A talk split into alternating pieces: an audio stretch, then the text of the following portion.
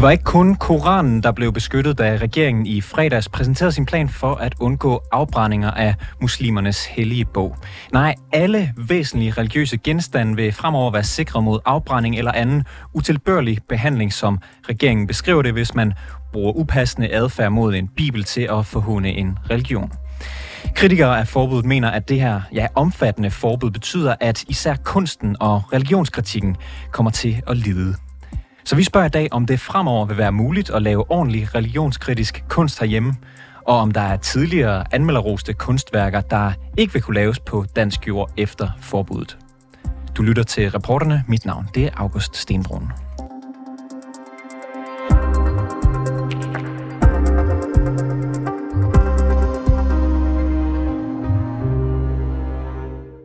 Jens øh, Galschødt, kunstner og skulptør, kendt for magtkritiske værker som Skamstøtten og Survival of the Fattest. Velkommen til programmet. Tak for det. Øhm, det vil fremover være ulovligt at brænde eller ja på anden utilbørlig vis behandle et væsentligt religiøst øh, symbol. Kommer det til at betyde noget for din måde at lave kunst på? Ah, jeg tror ikke, det kommer til at betyde noget på min måde at lave kunst på, men jeg kan da godt blive lidt nervøs for, at noget af det kunst, jeg allerede har lavet, og måske også skal lave fremtiden, komme i klemme på det, for jeg har eksempel lavet en korsfæstet teenager i bronze, som jeg har sat op omkring den revolutionspolitik i den katolske kirke. Og den har jeg før været lidt smule klemme på i, øh, hvad hedder det, i Polen, hvor jeg valgte ikke at stille den op på grund af blasfemiparagrafen i Polen. Så, så derfor øh, øh, kan sådan en måske godt komme, der kan jeg måske godt komme i klemme med den. Og jeg har lavet andre værker, hvor jeg har taget det religiøse aspekt ind i det og brugt den til noget andet. Ja, hvis, hvis jeg forstår øh, regeringen ret, så vil øh, den, øh, hvad kan man sige, det, øh, det værk, som du har lavet der, ikke øh, ville kunne lave, i, hvis, hvis, du skulle, hvis du fandt på det i, øh, i, øh, efter forbuddet. Hvad tænker du om, at øh, du sagde, at du var nervøs? Øh, hvad, hvad er det, der gør dig nervøs om, om det her øh, forbud? Ja, det er fordi, virkelig går jeg ind for det, de har lavet. Altså, jeg synes, det er helt okay, at man ikke bare skal brænde brøndbetræer og af foran FCK, og man ikke skal øh, provokere folk unødigt og op, oprør på den måde, man gør det på øh, det, i forbindelse med afbrænding af, af Koranen. Altså, det synes jeg faktisk er okay, at man prøver at indkredse. Det store problem det er, at man risikerer også at skylde noget andet ud med badevandet. Og det er jo der, hvor så kunstnerne især, fordi kunstnerne er, er normalt øh, arbejder i, i, i et felt med grænseoverskridende ting og sager, og også især i forhold til religion, ikke? der kan man så tillade sig. Og det, det er det, jeg bliver nervøs for. At det, hvad vil der ske der? Men altså på den anden side, så kan man jo tage kampen, når det kommer op. Og, og hvis de lige pludselig forbyder min, min, min øh, gravide teenager i at blive udstillet, det kan jeg ikke forestille mig, at de tør. Øh, men, men det er lidt uheldigt. Altså, jeg arbejder jo også i Kina, hvor nogle af mine skulpturer blev forbudt, og i andre steder, hvor nogle af mine skulpturer blev forbudt. Og der vil de kunne bruge det, at vi nu øh, indskrænker ytringsfriheden i Danmark imod mig og mit land, kan man sige. Og det, det er lidt træls. Du siger, at øh, du føler dig sikker på, at øh, man ikke vil ture og, øh, og øh, hvad kan man sige, forbyde dig og, og stadigvæk fremvise det her værk, øh, som måske er på, på kant med loven. Hvorfor, hvorfor er du så sikker på det? Fordi så vidt jeg kan se, så øh, er der en, en, en, en passus i den lovgivning, eller i den måde, i, i det, i det øh, hvad hedder det, øh, udtalelser omkring den, der går ud på, at kunsten skal have hvide rammer øh, på den måde, den bliver lavet. Og da jeg netop er kunstner, så får jeg måske hvide rammer. Det, det, kunne man så, det kunne man så forestille sig, at, jeg, at man ikke ville angribe sådan en som mig. Men det er svært at vide. Øh, den, er, den er lige på kanten, synes jeg. Bliver det sværere at lave religionskritisk kunst, øh, der, der gør ondt efter, den her, øh, efter det her forbud? Ja, det kan man, hvor ondt man vil helst skal gøre. Altså nu, nu arbejder jeg, jeg arbejder godt med profession ofte, men jeg, jeg, for eksempel jeg har lavet et stort værk, hvor jeg, hvor jeg brugte 8.000 koraner og torer og bibler. Øh, øh i et meget stort værk, der hedder fundamentalisme, øh, som jeg stillede op i bronze. Og der valgte jeg ikke at bruge koraner og torer og bibler. Altså originale, jeg valgte at modellere dem op fra bunden af, det vil sige, at det aldrig havde været bøger. Og det var fordi, jeg vidste, at hvis jeg gjorde det, så ville jeg komme til at støde både muslimerne og, og, og, og, og jøderne især. Og de to grupper vil jeg ikke støde, fordi jeg vil faktisk gerne en samtale med dem. Så, så, så det var et værk, hvor jeg, hvor jeg provokerede til en vis grænse, men, men, men, men prøvede at skabe en dialog med kunsten som mellemvej. Så, og, og sådan er det ofte med mine ting. Jeg prøver at undgå at støde alt for mange fra mig, han har sagt. Samtidig med, at jeg selvfølgelig skal have et vis, øh, kan man sige, provisorisk islet, det jeg laver. Du siger, det, det, det, eller du siger, det skal have et provokatorisk islet, og du bruger jo kan man sige, de her religiøse symboler i din kunst.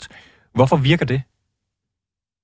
Jamen, det virker meget voldsomt, for eksempel hvis du putter en gravid korskædet teenager op på et kors øh, i, hvad hedder det, bronze, og stiller det op i, i Kenya eller Nicaragua, hvor det bliver brugt.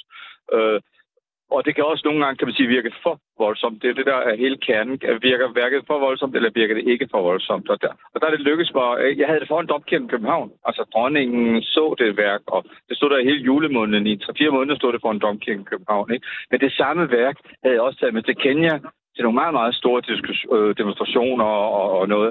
Og det blev meget, meget populært i Kenya, men øh, der var øh, nogle katolske øh, ekstremister, der begyndte at demonstrere mod det øh, og havde samlet til en meget stor demonstration øh, mod mig i Kenya. Og der valgte jeg, da de kom og havde savet, så savede jeg korset af, sådan så den der gravide bronzeskulptur, den bare stod og så ud, som om den havde kors. Den havde ikke noget kors. Og det tog så luften ud af hele diskussionen.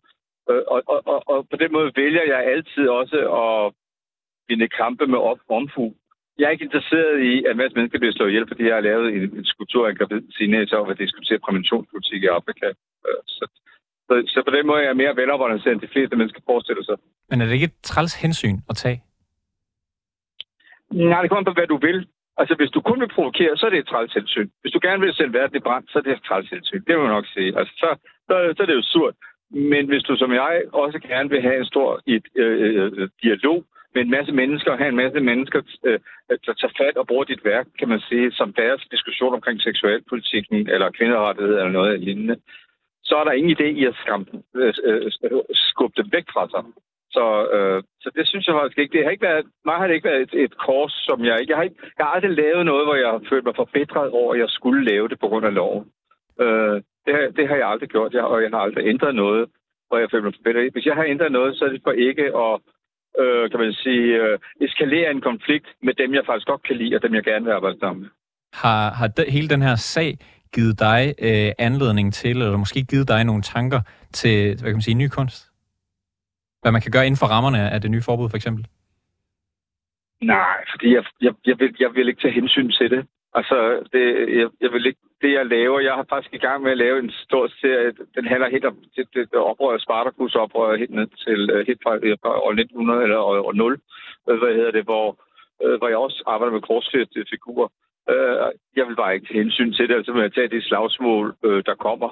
Og det er jeg ret god til at tage, og har gjort det i mange, mange lande. Så når jeg lige det øjeblik har en, en der hænger på mig fra Kina, fordi jeg har taget slagsmålet omkring det af deres historie, så det kan jeg vel også gøre i Danmark, hvis det er. Øh, men jeg, jeg, er ikke, jeg er ikke interesseret i at eskalere konflikter, hvor folk så en anden ihjel eller, eller bomber Danmark på noget som helst. Det, det tror jeg ikke, jeg gør. Det er bare ikke den slags kunst, jeg laver.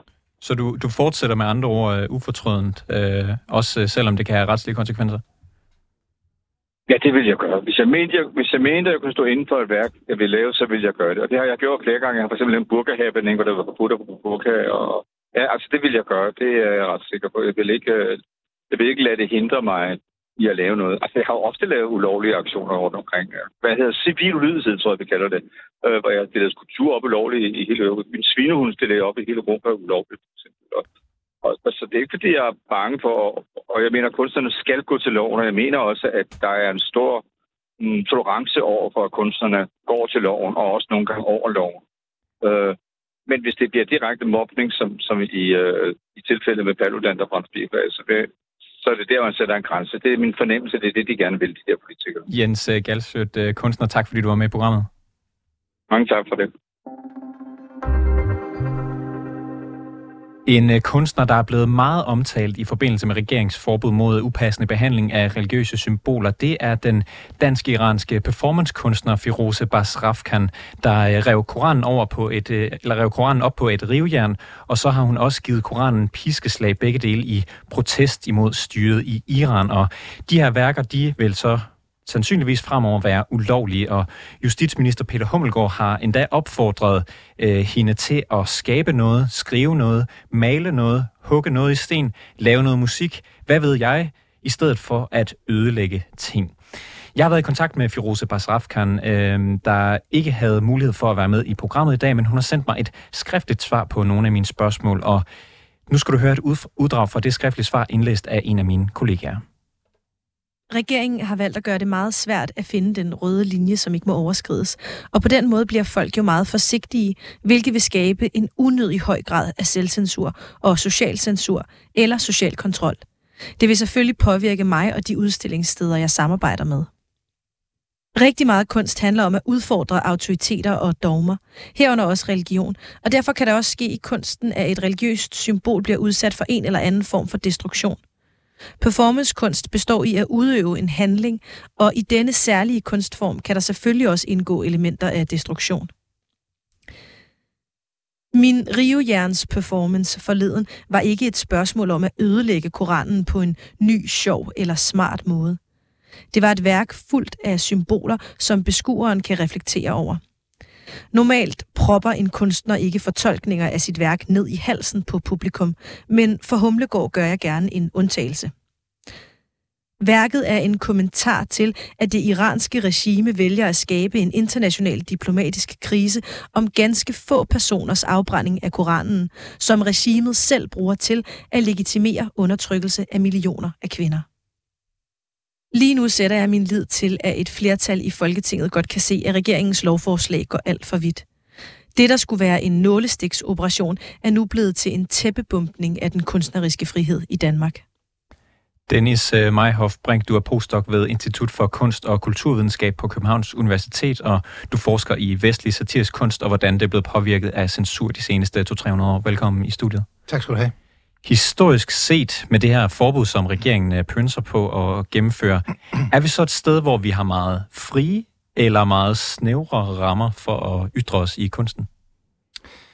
Ja, det kommer an på, hvor stort et historisk perspektiv man tager med selvfølgelig. Altså, det er klart nok, at tendensen har været mere eller mindre siden øh, slutningen af oplysningstiden, slutningen af, af 1700-tallet, at vi fik friere og friere rammer. Øh, men med det nye tiltag, så er den tendens jo sådan set øh, ændret, eller den går nu i en ny retning. Øhm, altså tendensen har jo været, og der har også været rigtig mange andre lande i Vesteuropa, eller i den vestlige verden i det hele taget, der inden for bare de sidste 10-20 år har ophævet blasfemiparagrafer. Der har været en bølge ophævelse af blasfemi, blasfemiparagrafer, som vi også selv var med i. Altså øh, England, øh, Norge, Holland, Australien, Kanada, alle mulige lande har ophævet blasfemiparagrafer de senere år. Øh, og nu får vi jo så øh, en ny blasfemiparagraf, for det er jo det, det reelt er. Altså i virkeligheden er den jo nok, øh, kommer den nok til at være mere indgribende end den gamle blasfemiparagraf, som jo var en såkaldt sovneparagraf, altså en, man ikke anvendte, og hvis man anvendte, så kunne man næsten være sikker på at tabe sin sag.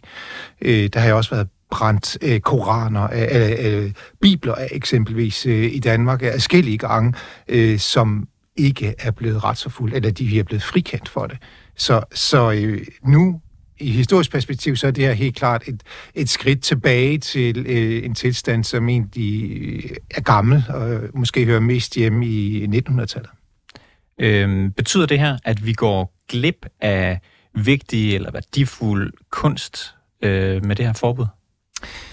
Øh, ja, det øh, vil jeg mene, at vi gør. Altså, det er øh, måske en pris, som regeringen er villig til at betale, fordi de ikke betragter den som vigtig eller værdifuld. Øh, men det vil jeg klart mene, at vi gør. Og først og fremmest så, sådan nogen som øh, Firoze Basrafkin, som vi lige har hørt, øh, øh, og andre eks-muslimer, de får jo ikke det, som jeg synes er en legitim og retfærdig øh, øh, mulighed for at udtrykke deres øh, kritik og også deres disrespekt over for en bog i hvis navn de føler sig undertrykt, eller de kan se, at andre mennesker som dem øh, bliver undertrykt.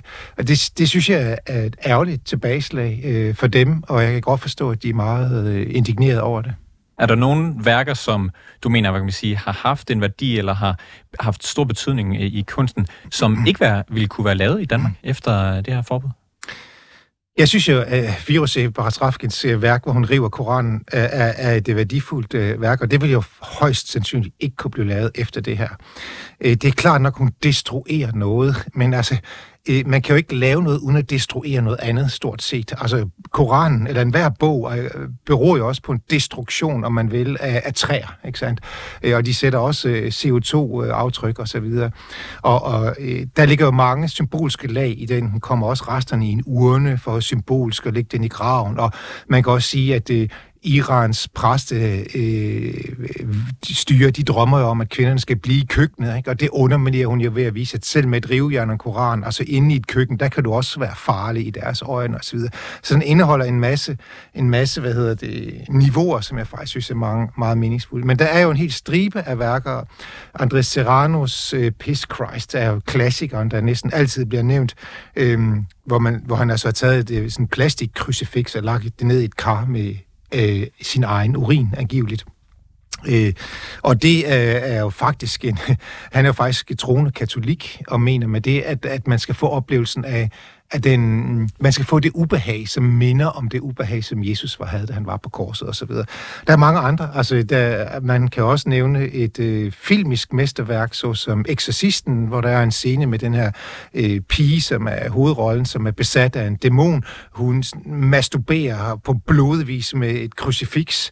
Øhm, altså, det vil man jo heller ikke kunne lave, jeg tror, fordi at øh, det, det nævnes eksplicit i, øh, i kommentaren til loven, at krucifixer er også hellige genstande, som man ikke må have utilbørlig omgang med. Det sker jo fra tid til anden, at man, hvad kan man sige, øh, genviser gamle film, måske sikkert Exorcisten i forbindelse med Halloween eller et eller andet andet øh, mm. gyser-tema. Mm.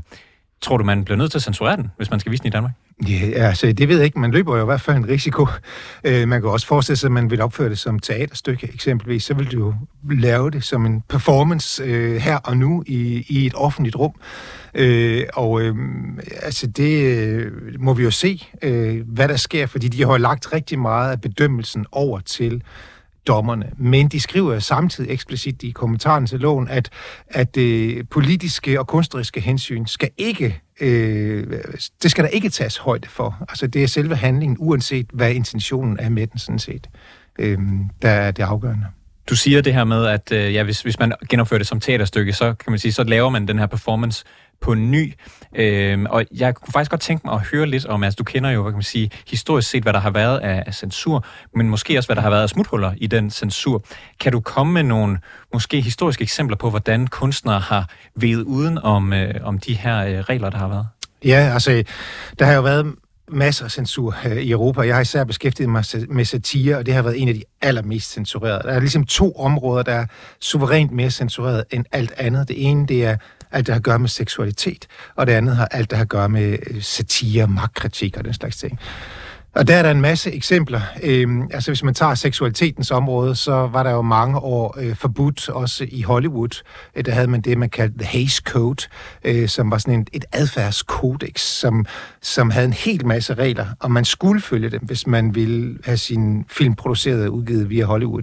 Og sådan en stor filmkunstner som Hitchcock, han... Øh, øh, han drillede for eksempel den regel. Ikke? Altså, der er sådan øh, øh en, øh, en meget berømt film af ham, hvor slutscenen øh, øh, består i, at øh, en mand og en kvinde, de er lige blevet gift, de er inde i et tog, det passer ind i selv en større historie, og så hiver han hende ligesom op i overkøjen, øh, øh, og så kalder han hende ved sit efternavn, det vil sige, nu ved vi, de er blevet gift, øh, og så brager toget ellers ind i en, en stor øh, mørk tunnel med damper og så videre, ikke? og så, så ved vi godt, at det er billedet på, at, at nu har de sex. Ikke? Øh, men øh, du kunne jo ikke rigtig forbyde øh, folk at vise en togscene. Ikke? Øh, og den slags eksempler findes der et hav af. Altså et andet, synes jeg, er ret fedt eksempel, øh, det er, at, øh, at i, i Frankrig, der havde man lang tid øh, forbud imod tegninger, især satiretegninger, fordi man var bange for dem simpelthen. Øh, alle kunne forstå dem, og, og du ved, man behøvede ikke at kunne læse for det. Der var mange analfabeter stadigvæk på det tidspunkt. Øh, så tegninger var forbudte, de skulle censureres, at de skulle forbi en censor først, men det skulle tekst ikke. Og så lavede man simpelthen sådan nogle øh, tegninger, hvor man, hvor man bare har nogle tomme felter, og så skrev man i det ene felt, her kan man se en mand, der står med en saks, der er ved at klippe noget over, og her kan man se, og så videre, så videre sådan at folk ligesom lavede hele billedet ind i deres eget hoved. Og det kunne man heller ikke gribe ind for. Det skulle ikke engang forbi en sensor, fordi at man bare kunne udgive det. Så på den måde har øh, censuren jo historisk set også fungeret som sådan et kreativt benspænd, der har fået folk til at opfinde masser af nye ting. Og må ikke også det samme kommer til at ske i dag? Så det vil faktisk sige, at øh, jeg tror, det er Jørgen Let, der har sådan en, øh, et, et dogme om, at, et, at, at, at benspænd det faktisk mm. fremmer kreativiteten. Kan det være, at vi ser en hvad kan man sige, helt ny opblomstring af religionskritik herhjemme, fordi der ligesom er fokus på det, og at man skal arbejde inden for nogle nye benspænd? Det er aldrig til at spå om fremtiden, øh, men, men det er da en mulighed, ingen tvivl om det. Altså, Øh, noget, der er tiltrækkende øh, for nogle kunstnere, det er klart, hvis du ikke er interesseret i religionen overhovedet, hvorfor skulle du så gå derhen? Øh, men ikke desto mindre, hvis du har en lidt lille interesse i det, så kunne det godt være, at det her faktisk tiltrækker dig endnu mere, fordi at det også vil, så at sige, være udfordrende gamle Goethe sagde jo, at mesteren viser sig i begrænsningen allerede. Så det har været et princip i, i lang, lang tid. Og der er ikke noget, der er så godt for omtalen af et værk, som hvis det bliver censureret. Så øh, på den anden side, så kan man selvfølgelig sige, at to års fængsel, det er også en, en høj pris at, at betale. Men øh, vi må jo se, om der er nogen, der, der, der gør det. Altså, der findes jo en, en, en, en gruppe i Danmark, der hedder Frafalden, af frafaldende muslimer. De lavede forleden en aktion, hvor de læste sider op af Koranen, som, som handler om kvindeundertrykkelse og, og øh, hvad man så gør ved homoseksuelle og den slags ting. Og så sagde de så, at det, det kan vi nok godt undvære, så rev de de sider ud, og så ved de pølser i dem bagefter. Og den aktion har de tænkt sig at gentage øh, nu øh, i næste måned øh, foran Christiansborg, nok inden loven er trådt i kraft. Men vil de også kunne gøre det øh, om to måneder eller tre måneder, når loven er trådt i kraft, og, og vil de i så fald faktisk komme i fængsel for det? Hvis det sker, så tror jeg, der vil komme en, en, en, en slags øh, oprør eller vækkelse eller modstand imod det i hvert fald. Vi har jo også øh, talt en del om øh, Firoze Basrafkan, som jo rev øh, Koran på, på et rivejern, og Peter Hummelgaard, justitsminister, har været ude specifikt og kommentere hendes, øh, hendes øh, kunstværk, og jeg, jeg citerer lige Peter Hummelgaard. Jeg vil opfordre hende til at skabe noget, skrive noget, male noget, hugge noget i sten, lave noget musik, hvad ved jeg, i stedet for at ødelægge ting med, med dit, øh, hvad kan man sige, dit historiske blik på, på censur. Hvor, hvor langt tilbage i tiden er, hvad kan man sige, den her måde at, som justitsminister at kommentere på en specifik kunstnerisk værk? Ja, det, det er nok sådan, øh, før grundloven, vil jeg sige, ikke? i starten af 1800-tallet. Altså, øh, det er både arrogant og ignorant, vil jeg sige. Altså, han ved tydeligvis ikke meget om, hvordan øh, kunst har fungeret øh, siden starten af det 20. århundrede, øh, som indebærer talrige destruktion af det ene og det andet. Øh, og, og det er også, øh, altså, det er en, selve ideen om, at man bare kan udtrykke det andet på en, eller det samme på en anden måde, øh, den den går fuldstændig glip af, hvad kunst er. Fordi kunst, meningen med kunst er netop, at det kan kun udtrykkes, det er det specifikke udtryk, i denne specifikke form. Og hvis jeg oversætter den til noget andet indhold, så er det noget andet, og så er det ikke det kunstværk længere. Altså det er sådan en indholdsbaseret idé om, hvad, hvad et værk overhovedet er. Og altså, det har man forladt for 100 år siden. Jeg kan se, at du, du har en lille liste med med forskellige kunstværker, som, som vi skal nå igennem. Vi når nok ikke dem alle sammen, men, øh, men jeg ser, at uh, der står et, et navn, jeg kender, nemlig Uwe Max Jensen ja. uh, på, uh, på listen. Skal vi ikke lige tage det, inden, inden vi lukker ned? Hvorfor har du taget ham med? Øh, jo, det er fordi, han engang øh, lavede øh, papirflyver ud af Koranen. Altså, øh, og det øh, hvis jeg ikke tager fejl, så destruerede han ikke bogen. Han tog simpelthen en fotokopi af nogle af de sider, som som nogle af dem, der har begået terrorangrebet øh, 11. september, de brugte til at legitimere deres øh, terrorangreb med. Øh, og så har han taget papir, et, øh, et fotokopi af dem, foldet som øh, som et, hvad hedder det, et papirflyver, og så gjorde det til et værk. Øh, og der øh, er spørgsmålet så, er det en utilbørlig omgang? Øh, altså han destruerer ikke værket, øh, men, men han gør alligevel øh, noget. Man kunne jo gøre det samme med øh, Omar el-Hussein, som jeg også refererede til bestemte sura, øh, inden han begik angrebet på øh, Krudtønden og, og synagogen her i København.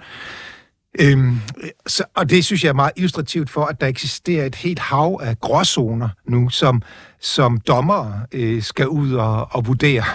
Øh, og jeg, jeg tror, det kommer til at være svært, øh, og, og det bliver også meget afgørende, hvad deres øh, øh, holdning er, tror jeg i virkeligheden. Altså, Øh, det er her, hvor jura ikke vil vise sig at være en helt objektiv øh, videnskab, men en fortolkningsvidenskab. Øh, man har set mange gange i historien, at, at øh, dommere faktisk har dømt mere liberalt end lovgivningen, fordi de ikke var enige i lovgivningen. Øh, det foregik masser af gange i, i løbet af 1900-tallet. Øh, så øh, jeg tvivler meget på, at den her strafferamme på to år vil nogensinde blive brugt. Øh, og nu har vi jo så øh, om øh, ikke for, så forfærdeligt mange måneder det her øh, forbud. Du er ikke øh, ligefrem øh, den største fan af det, men de begrunder det jo, øh, politikerne, med, at Danmarks agtelse i udlandet den falder, og der er måske også en sikkerhedsrisiko forbundet med det. Er der ingen, altså, er der ingen grænser for, hvor galt det må gå, altså Danmarks sikkerhedsrisiko og, øh, og, øh, og agtelsen i udlandet, før at man begynder at, at øh, begrænse ytringsfriheden? Ja, ja altså... Øh både ja og nej, vil jeg sige. Altså, det er jo øh, trusler, man giver efter for i så fald, og øh, det er jo en kendt sag, at det... Øh, jo, det kan godt være, det mildner nogen en lille bitte smule, men i praksis tror jeg ikke, vi kommer til at se det, fordi at der er nogen, der formentlig vil finde på nogle andre aktioner, som også kan oprøre folk. Og så har vi tabt Øh, de har vundet lidt. Øh, vi har ikke rigtig fået noget til gengæld. Altså, vi har ikke fået et mere blomstrende samfund. Vi har faktisk indrettet vores samfund på en måde, vi egentlig ikke rigtig synes, vi burde, og som vi aldrig ville være kommet på, hvis vi ikke var blevet truet med det. Men, øh, men vi har ikke rigtig fået noget ud af det, fordi at, øh, må ikke der kommer nye aktioner, som man kan blive ophidset over. Dennis Meyhoff Brink, postdoc ved Institut for Kunst og Kulturvidenskab på Københavns Universitet, satireforsker med andre ord. Tak fordi du kom i studiet. Selv tak. Det var alt for reporterne i denne omgang. Har du noget, som du synes, vi skal undersøge, eller har du ris eller ros til programmet, så kan du altid skrive til os. Det foregår på den mailadresse, der hedder reporterne 247dk Udsendelsen i dag var tilrettelagt af mig. Mit navn er August Stenbrun. Mille Ørsted er redaktør.